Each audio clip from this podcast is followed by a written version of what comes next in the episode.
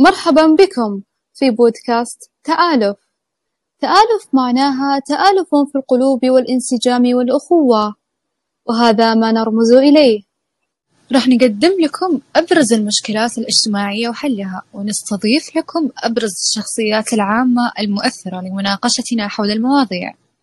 نعرفكم عن أنفسنا عشان نزيد الوضوح بيننا. أنا المقدمة وجدان ومعاي المقدمة عائشة. اللي بنقدم لكم هذا البودكاست. ونوال هي المسؤولة عن إعلانات التواصل الاجتماعي. أما ندى فهي كاتبة المحتوى. ومهندستنا الصوتية لينا. جميعا نعد لكم تآلف. بالبداية عايشة تقدرين تعطينا نبذة عن محتوى البودكاست؟ أبشري.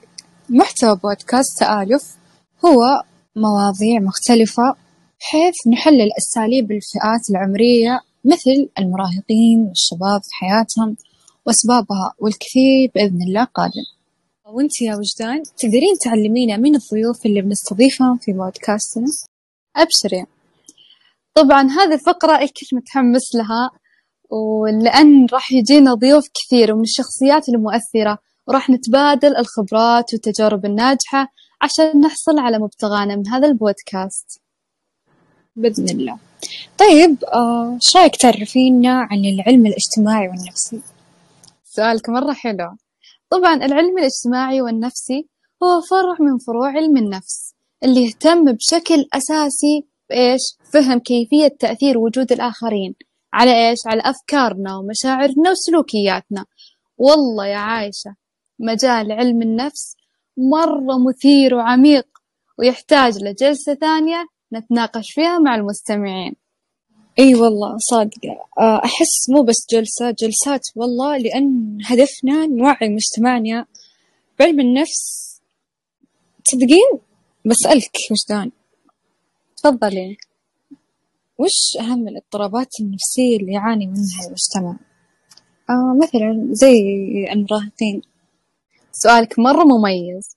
طبعا في اضطرابات كثيرة.